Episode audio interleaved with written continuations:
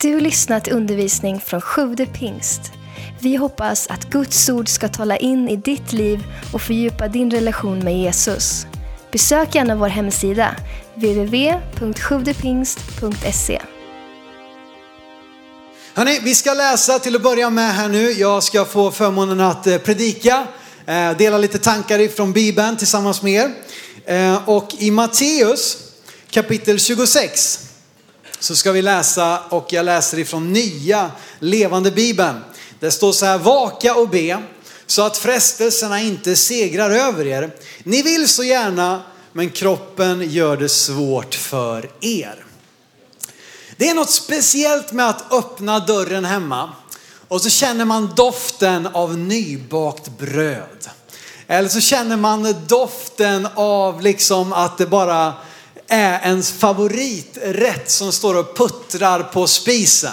Är det någon som har den känslan, komma hem till mormor kanske, eller komma hem till mamma eller pappa för den delen. Våran pastor Sven, han är en hejare faktiskt på att laga mat. Så kommer man hem till honom, då luktar det grillat. Än liksom redan när man svänger in till Hentorp ifrån liksom stora vägen så börjar det lukta grillat och så bara intensifieras doften. Och man bara känner det, vet, det börjar rinna i mungiporna eh, och någonting väcks vet du.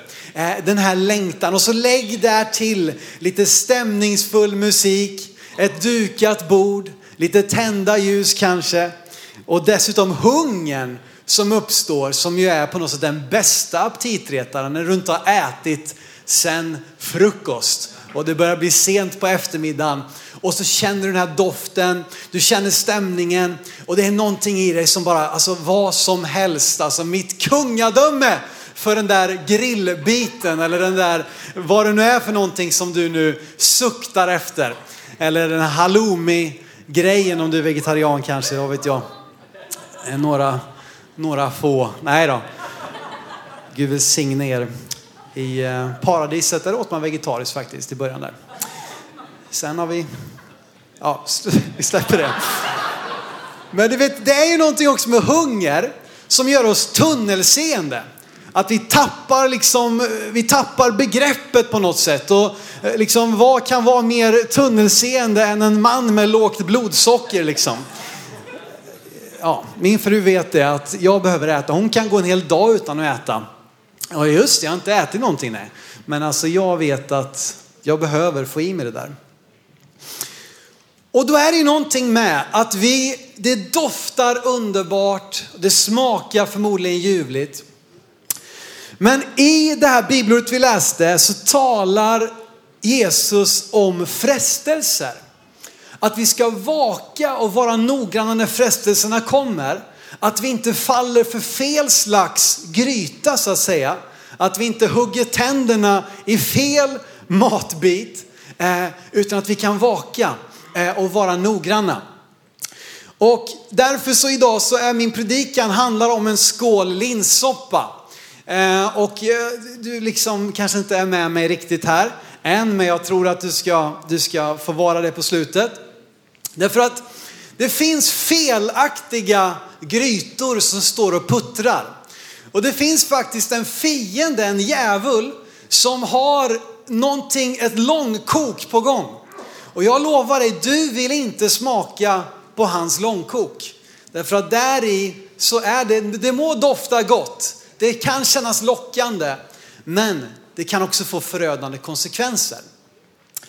Och eh, ja, som sagt, ser vi inte upp så kommer vi sluka den lika glupskt, glupskt som julbordet efter kalanka liksom. Och för att förstå lite vad jag pratar om nu så ska jag berätta familjen Abrahams story till en dag när Esau och Jakob, två bröder, eh, de hade gjort det de gjorde bra och så kommer Esau hem ifrån marken och det doftar gott. Därför att Jakob håller på att laga till en riktigt god linssoppa. Och för att förstå varför det är så viktigt så ska vi backa bandet ytterligare lite grann till Esau och Jakobs farfar Abraham. Eh, och vi måste förstå här nu vad som står på spel. Vad är det som är liksom, vad, vad, är det som står på spel när det kommer fram till den där linssoppan som nu står och puttrar och som Esau kommer hem och känner doften utav. Vad är det som står på spel om han sätter tänderna i den? Eh, det kommer vi förstå lite bättre om vi backar lite grann och pratar lite grann om Abraham. Du vet att gamla Abraham, han hette Abraham först. Det betyder upphöjd far. Han hade ett namn som betyder att han var en upphöjd far. Trots det hade han inga barn. Han hade tvärtom väldigt svårt, han och hans fru Sara. De kunde inte få barn.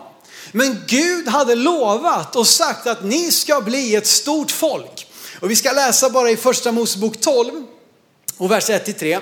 Där så läser vi eh, Guds löfte till Abraham. Han säger, Herren sa till Abraham, gå ut från ditt land och din släkt och din fars hus, bege dig till det land jag ska visa dig. Där ska jag göra dig till ett stort folk. Jag ska välsigna dig och göra ditt namn stort och du ska bli en välsignelse.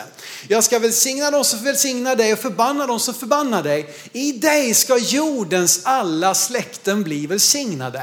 Vilket löfte! Ett löfte om att ut ur Abraham och Saras liv så skulle det komma ett folk som skulle få bli stort, som skulle få bli till välsignelse för hela världen. Att någonting skulle komma som skulle börja med Abraham och det skulle sluta, och vad Abraham inte visste var att det skulle sluta med att Messias kom till jorden, att Jesus Kristus blev människa, att Gud själv blir människa genom Abrahams släktled. Det var det som var på gång här, även om Abraham inte såg det där och då för typ 3800-900 år sedan eller någonting sånt. Eh, och här nu så ska han välsigna och ändå hade han inga barn. Tiden går, till slut så är Abraham så, faktiskt 99 år gammal. Eh, men Gud kommer gång på gång och säger, det ska bli ett stort folk av dig, det ska bli ett stort folk av dig. I dig ska alla jordens folk bli välsignade. Och han, ja visst, jo visst, jag var 75 år första gången du sa det, nu är jag 99 år och Sara hon är typ 90. Och i Hebreerbrevet så beskrivs Abraham som att han, hans kropp var så gott som död. Och det är ingenting du ska skriva på en dejtingsida. Jag gillar liksom eh, mysiga hemmakvällar, långa promenader och min kropp är så gott som död. Grattis! Vänster.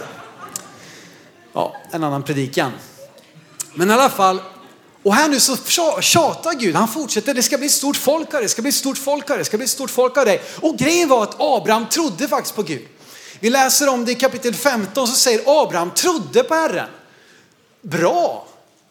Han trodde på Herren och det räknade, han räknade honom det till rättfärdighet. Och här är ju Abraham också, också ett exempel på hur vi tar emot det Gud vill göra i våra liv. Det är inte genom att vi lyckas med en massa saker, det är inte genom goda gärningar, utan genom tro på Gud.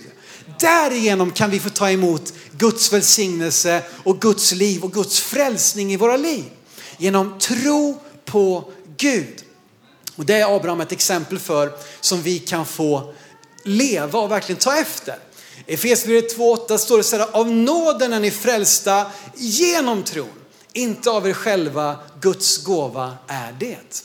Så att vi tar emot allt det goda Gud vill göra i våra liv genom tro på honom, inte genom att vi lyckas. Och det är därför det är så skönt, för då känner jag att jag kan vara med.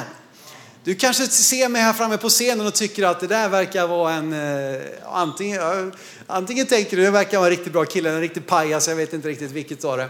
Men hur som helst så inser jag att det är bara av tro, bara av nåd, bara av att Gud har visat mig kärlek och det hjälper Abraham oss att förstå. Men till slut i alla fall när de är hundra år gamla så föds en son, Isak, löftessonen.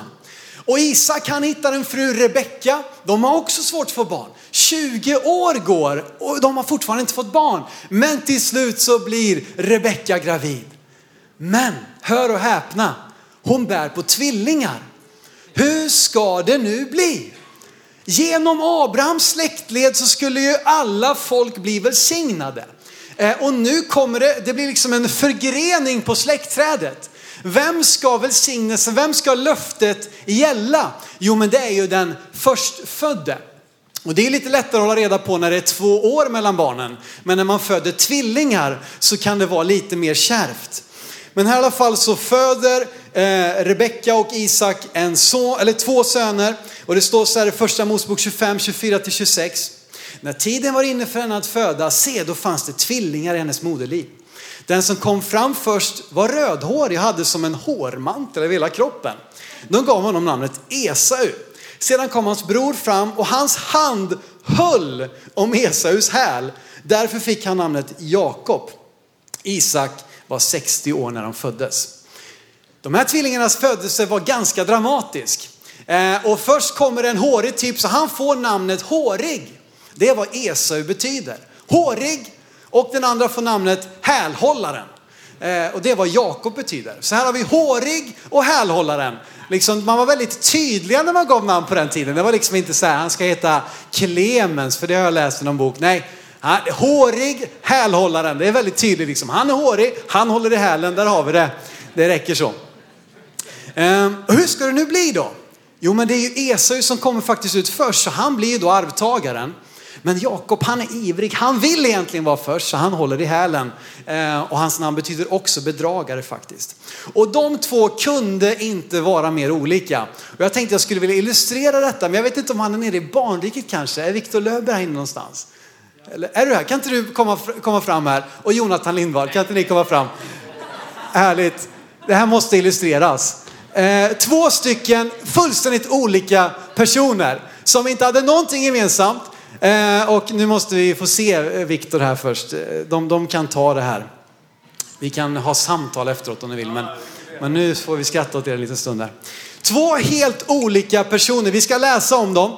Eh, första Mosebok 25, 27-28. Pojkarna växte upp. Esau blev en skicklig jägare som höll till ute i markerna. Jakob däremot blev en stillsam man som höll till vid tälten. Isak älskade Esau eftersom han hade smak för vilt, men Rebecka älskade Jakob. Två helt olika personer. Den ene hårig och jägare, en riktig machoman, alltid något vilt byte, liksom fält över. Jag lovar, han, han röker sitt eget bäverkött. På riktigt alltså. Och sen har vi den andra, en fin kille som ägnar dagarna med att pröva nya recept och baka surdegsbröd och dricka espresso med mamma och tänka svåra tankar. Jakob, ni som känner dem vet att det, det kunde varit de här två alltså. Esau och Jakob. Och här nu så växer de upp och nu kan ni gå och sätta er. Jag tyckte det var så roligt. Jag bara såg det framför mig i min förberedelse. Viktor och Jonathan, här har vi dem. Esau, den hårige jägaren. Jonathan, den mjuka matlagaren. Och så kommer vi fram till den här berättelsen med skålen med linssoppa. Jag kommer ihåg att jag började säga att det är det det här ska handla om. För nu är vi framme där. Det var liksom en lång detour men nu är vi tillbaka på rätt väg. Vers 29 från kapitel 25. En gång när Jakob höll på att koka soppa kom Esau hem från marken alldeles utmattad och känner vad då? Det är något som luktar, det är något som puttrar, det är någonting på spisen, någonting på elden och det doftar gott. Han sa till Jakob, låt mig få äta av det röda, det röda där, för jag är helt utmattad. Därav fick han namnet Edom, det betyder röd, den röde hårige. Underbart. Jakob lagar en av sina allra bästa soppor som han har provsmakat fram till perfektion. Och doften som sprider sig är förblindande. Esau kommer hem efter en hård dag ute på marken, säkert liksom bärandes på, på, på en eh, hjort. Liksom. Men han vet, jag ska inte äta kött med blod i, men, så nu måste jag ha något annat. Och så kommer han där med en djurisk hunger, blodsockret nere vid fotknölarna och förtrollad av doften från Jakobs gryta. Som den hälhållare eller bedragare han är så ser Jakob sitt tillfälle. Och läs vidare i vers 31. Jakob sa, sälj först din förstfödslorätt till mig. Förstfödslorätten, vad är det för någonting? Ja, I vårt sammanhang så är det inte så mycket, men förstfödslorätt var en stor grej. Tre saker. För det första, dubbel arvslott. Den som blev förstfödd fick dubbelt så mycket av arvet. För det andra, han blev vd i familjeföretaget. Från och med den här dagen så skulle han få vara den som hade hand om och hade liksom utslagsröst i alla kommande styrelsemöten. Han fick leda liksom familjeföretaget och det var stort. Abraham var en rik man, Isak likaså. Det var en stor grej att få ta över det här företaget och det var till den förstfödde. Och det sista, kanske viktigaste var att det var en andlig välsignelse. Den förstfödde skulle liksom vara präst åt sin familj och vara liksom andlig ledare för sin familj. Och den skulle få bära vidare välsignelsen. Vilken välsignelse då? Jo, den som Abraham fått som sa, Gud sa till honom att genom dig, genom ditt folk ska alla jordens folk bli välsignade. Alltså, den förstfödde skulle få bli den som bar vidare det här löftet ifrån Gud. Som skulle få vara med i ett händelseförlopp som ledde fram till att Jesus Kristus föddes som människa här på jorden, levde, dog på korset, uppstod på tredje dagen och erbjöd frälsning till hela mänskligheten. Det är det som är på spel här. Men sälj först din förstfödslorätt till mig Esau, du hårige, så ska du få smaka soppan. Jag antar att du precis som jag inser det här är en kass affär. Det här är idiotiskt. Jag känner liksom att någon borde, det, grejen är så här att det är alltid lätt att veta hur andra personer ska hantera sina frestelser. När vi sitter här, lite trångt men ganska bekvämt hoppas jag i alla fall, och tittar tillbaka på det här som hände. Ja men vad dum han var Esau. Att han kunde gjort det. Någon borde ha ropat på time out. Stopp! Han borde haft sin personliga tränare stå bredvid. Hej Esau, time out! Bryt! Vi måste snacka ihop oss här nu. Fattar du vad som är på spel? Esau, han borde blivit vansinnig. Han borde ha avfärdat liksom erbjudandet snabbare liksom än fort. Vill du att jag ska byta bort allt det som Gud vill göra i mitt liv? De välsignelser han vill ge generationer efter mig för en ynka skål med soppa. Är det det du säger? Ja, när du säger det så så låter det kanske lite, men det var ingen som ropade på timeout. Och Esau var helt förblindad av hunger, utmattning, lockelser, doften. Och grejen är så här att när detta händer i våra liv, en annan sak som, som de borde sagt till Esau, det är så här, Esau, vet du vad? I lång tid framöver kommer Gud presentera sig för framträdande människor som Mose till exempel som ledde hela folket ut ur slaveri i Egypten. Han kommer presentera sig som Abrahams, Isaks och Esaus Gud. Om du gör den här dealen, då kommer han att säga Abrahams, Isaks och Jakobs Gud. Alltså Gud kommer presentera sig med, med ditt namn eller inte. Förstår du vad som står på spel? Oj, oj, oj, en skål linssoppa, inte trodde väl jag. Men Esau tänkte inte på någonting. Grejen är att Gud ger oss alltid en väg ut när vi blir frestade, men nyckeln är att stanna upp. Sven predikade om det jättebra här i vårt tema om vishet, att nyckeln är att stanna upp. Tänk efter, rusa inte bara in. Tänk, okej, okay, jag gör det här nu, vad kommer det leda till sen? Esau, han struntar i allting. Han har inte lyssnat. Han har inte gått till kyrkan här och lyssnat på den här bra undervisningen. Så han är helt förblindad. Han bara, läs vidare i vers 32. Jesus svarade, håller du på att dö? Vad ska jag göra med förstfödslorätten till? Jakob sa, ge mig din ed på det först. Ser ni hälhållaren? Han liksom lirk, ge mig din ed. Det här ska inte, liksom, det här ska inte gå någon förbi. Han gav honom sin ed och sålde sin förstfödslorätt till Jakob. För det första, Esau höll inte på att dö. Han gick själv fram till Jakob, men i detta nu så försvann allt annat från hans fokus. Här ställs allt på spel. Röda pillret, blåa pillret. Swipa vänster, swipa höger. Två valmöjligheter på bordet. Den här måltiden just nu eller allt som Gud har lovat mig i framtiden. Läs vidare vers 34. Jakob gav honom bröd och linssoppa. Han åt och drack, reste sig och gick.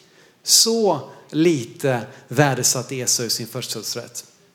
Esau föraktade sin förstfödslorätt. Han valde soppan, han gav bort sitt arv för något som fick honom att må bra en enda kväll. Jag menar nästa dag var han ju lika hungrig igen. Han sålde allt för att få njuta här och nu. vaka och be att ni inte faller för frestelserna när de kommer. Ni vill så gärna, men ni faller så ofta. Du vet, underbart är kort. Det verkar som Jesus var helt styrd av sina begär. Återigen så tycker vi att, ja men vad dum han var. Men om vi bara vänder fingret lite grann mot oss själva så inser vi, wow, det där är jag.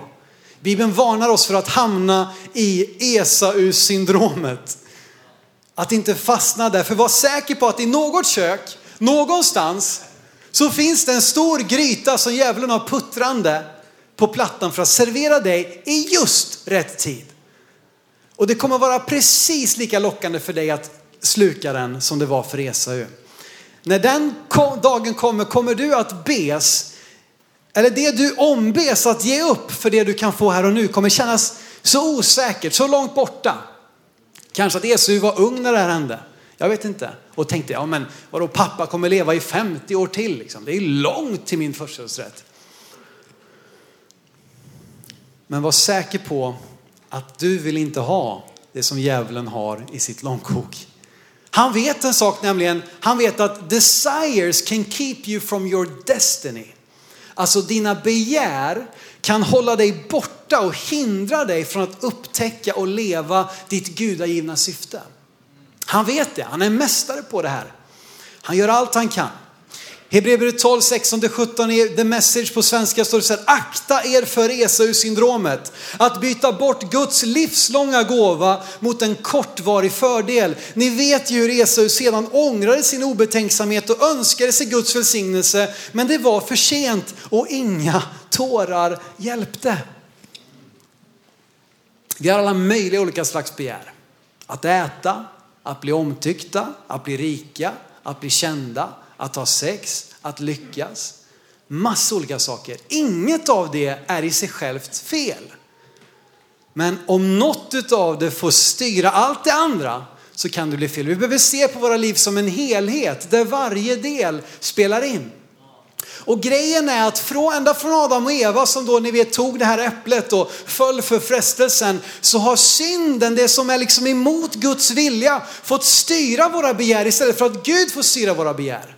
Så att han kan få guida oss, lotsa oss. Vi behöver göra det som, ta det här, vänta lite med det där och ta det här istället och akta dig för det där och gå här, här finns vägen. Här har vi ett långsiktigt tempo, här har vi ett långsiktigt mål. Vi byter bort det optimala mot det omedelbara. Vi byter bort för evigt mot för stunden. Och grejen är att du måste inse ditt värde. Du måste inse ditt värde. Hur många har sett på programmet Draknästet? Har ni sett det? Det var några år sedan det gick nu. Ja, men det är bra. Vi har en som har sett det. Jättebra Simon. Bra, det bra. Det är en till. Underbart. Draknästet. Det, i alla fall, det går ut på att unga, eller kanske inte bara unga, men entreprenörer får komma och presentera sina idéer för drakar, erfarna investerare som då ska pröva deras idé och de ställs där då framför en slags jury full av, av erfarna eh, eh, investerare eh, och så ska de då pitcha sina idéer och försöka sälja in det till de här investerarna. Och det entreprenörerna nästan alltid gör, eller investerarna ska jag säga, det de nästan alltid gör, det är att de säger, hej, du tror att ditt företag är värd, att din idé är värd 10 miljoner. Men vet du vad? Du får en miljon för 50 procent av innehavet för det är i själva verket bara värt 2 miljoner. De försöker alltid nedvärdera idén. De försöker få så mycket ägandeskap för så lite betalt som möjligt. Antingen godtar de det eller så får de förkasta erbjudandet. Drakarna försöker alltid få ner priset. De vill äga så mycket som möjligt och djävulen han fungerar på precis samma sätt. Han försöker säga till dig, tror du att du är något speciellt? Vem, vem tror du att du är? Tror du att du kan lyckas? Tror du att du har en plan? Tror du att Gud älskar dig? Nej, nej, nej, det här är den du är. Du är kast, du är liksom, hej, tro inte att du är någonting. Han försöker nedvärdera ditt värde. Och då är det så viktigt att inse ditt sanna värde. Du är en 10 miljoners idé. Du är inte en miljon idé. Du är en 10 miljoners idé. Gud har en plan för ditt liv. Gud har stora tankar för dig. Gud har skapat dig till sin avbild. Du är ett barn till Gud. Om du inte förstår ditt sanna värde är risken stor att du tar dealen. Att du köper den här lilla skålen med linssoppa istället för att kliva in i det löfte som Gud har tänkt för dig. Att få upptäcka allt det som han vill göra i ditt liv. Hej, du är ett barn till Gud. Du kanske känner dig som vem som helst. Men hör mig klart och tydligt. Du är ett barn till Gud. Han har en plan med ditt liv. Genom tron på Jesus, återigen genom tro, precis som Abraham, genom tron så välkomnas vi in i Guds familj. Vi får del av arvet, vi får del av eh, förstfödslorätten, vi får del av välsignelsen, frälsningen, förlåtelsen, friheten. Bara genom tro på Jesus. Det är någonting som är långt mycket mer värt än vilken gryta som helst. Du är inbjuden i familjeföretaget som representerar Guds rike här på jorden. Och Gud vill använda dig. Jeremia 29.11 säger, jag vet vilka tankar jag har för er, säger Herren, nämligen fridens tankar. Och inte ofärdens för att ge er en framtid och ett hopp. Han har goda tankar för dig. Han sätter stort värde på dig. Så stort att han gav sin egen son att dö i ditt och mitt ställe. För att du skulle få en andra chans att komma in i relation med honom bara genom att låta honom ta straffet istället för dig. I Efesierbrevet 3.20 står det också så här att han vill och kan göra långt mer genom dig än du ens kan be eller tänka. Det står han som kan göra långt mer, mycket mer än allt vi ber om eller tänker eh, genom den kraft som verkar i oss. Det enklaste sättet att bli rånad eller att bli bedragen, det är att inte förstå vad man har för sätt att försvara sig. Att inte förstå sitt värde. Men låt inte djävulen råna dig på allt det som Gud har tänkt för dig och ditt liv. Byt inte bort livslång gåva mot en stunds njutning. Vet du vad? Maxa åkpasset. Hur många har varit på, på Liseberg? Det, ja, men nu är det fler som har. Har ni varit på Liseberg? Ja, ja, härligt, härligt. Om inte åk dit. Du vet när jag var liten, det var höjdpunkten på året när vi skulle åka till Liseberg och så fick man åkpass. Alltså tack gode Gud för åkpasset. Obegränsat antal åkturer under hela dagen. Du vet när jag var liten alltså, jag, jag var typ 6-7 år gammal, eller 8 kanske jag var. Och jag, jag lämnade mina föräldrar i grinden och sen sprang jag.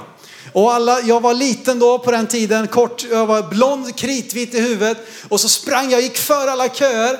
Eh, jag, på, riktigt alltså, jag, jag slank förbi, ingen som säger till en liten gullig pojke liksom. Så jag gick förbi och bara sprang runt om igen, igen, igen. Jag vill maxa åkbandet, jag ska göra allt. Jag ska testa alla attraktioner så många gånger som möjligt. Jag vill ha allt. Om du tagit emot Jesus så har du lämnat, i Bibeln talas det om Egypten som var en tid av slaveri. Men att de blev befriade där, de korsade Röda havet och sen kom de ut i öknen. Och sen så skulle de in i löfteslandet. Om du har tagit emot Jesus i ditt liv så har du passerat, du har lämnat slaveriet i Egypten, du har gått igenom Röda havet och nu vill djävulen göra allt han kan för att hindra dig att äntra Eh, eh, löfteslandet. Han vill få dig att tro att du har fått någon skruttig liten kupong som max räcker till liksom kaninresan eller någonting.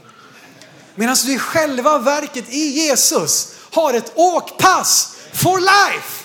Come on somebody!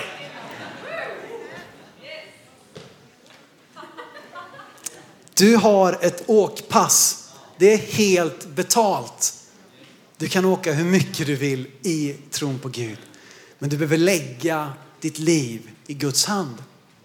Du behöver låta honom styra och leda och hjälpa dig. Du behöver låta honom stå bredvid dig och ropa time out när det behövs. Du behöver vända dig till honom när livets olika frågor kommer. Du behöver lägga ditt liv i Guds hand. Mitt budskap idag är inte synda inte. Det är inte det som liksom är mitt budskap även om det är en del av det jag har talat om idag. Det är inte det som får min puls att höjas. Det är inte det som yes, nu har jag laddat här ett helt år av konfa, nu ska jag få säga till dem, trycka till dem ordentligt här. Synda inte! Gör inte det som är fel. Det är inte det som mitt hjärta brinner för. Mitt hjärta brinner för att du ska resa dig upp, att du ska inse ditt värde, Att du ska förstå Guds plan för ditt liv. Att du ska inse att det han har att erbjuda är långt mycket mer värt än allting som den här världen faktiskt har att erbjuda. En livslång vandring, ett livslångt liv tillsammans med honom. Istället för bara den där stundens njutning som lämnar mig ännu mer hungrig imorgon. Ännu mer tom, ännu mer sökande, ännu mer vilsen. Därför att det gav ju inte så mycket mer än bara att jag liksom blev mätt för stunden. Men det är vad som får mitt hjärta att brinna. Det är att du skulle inse att Gud har en plan för ditt liv. Och det inkluderar varje del av ditt liv. Att lägga hela ditt liv i Guds hand. Nu ropar högre, men senare varar längre.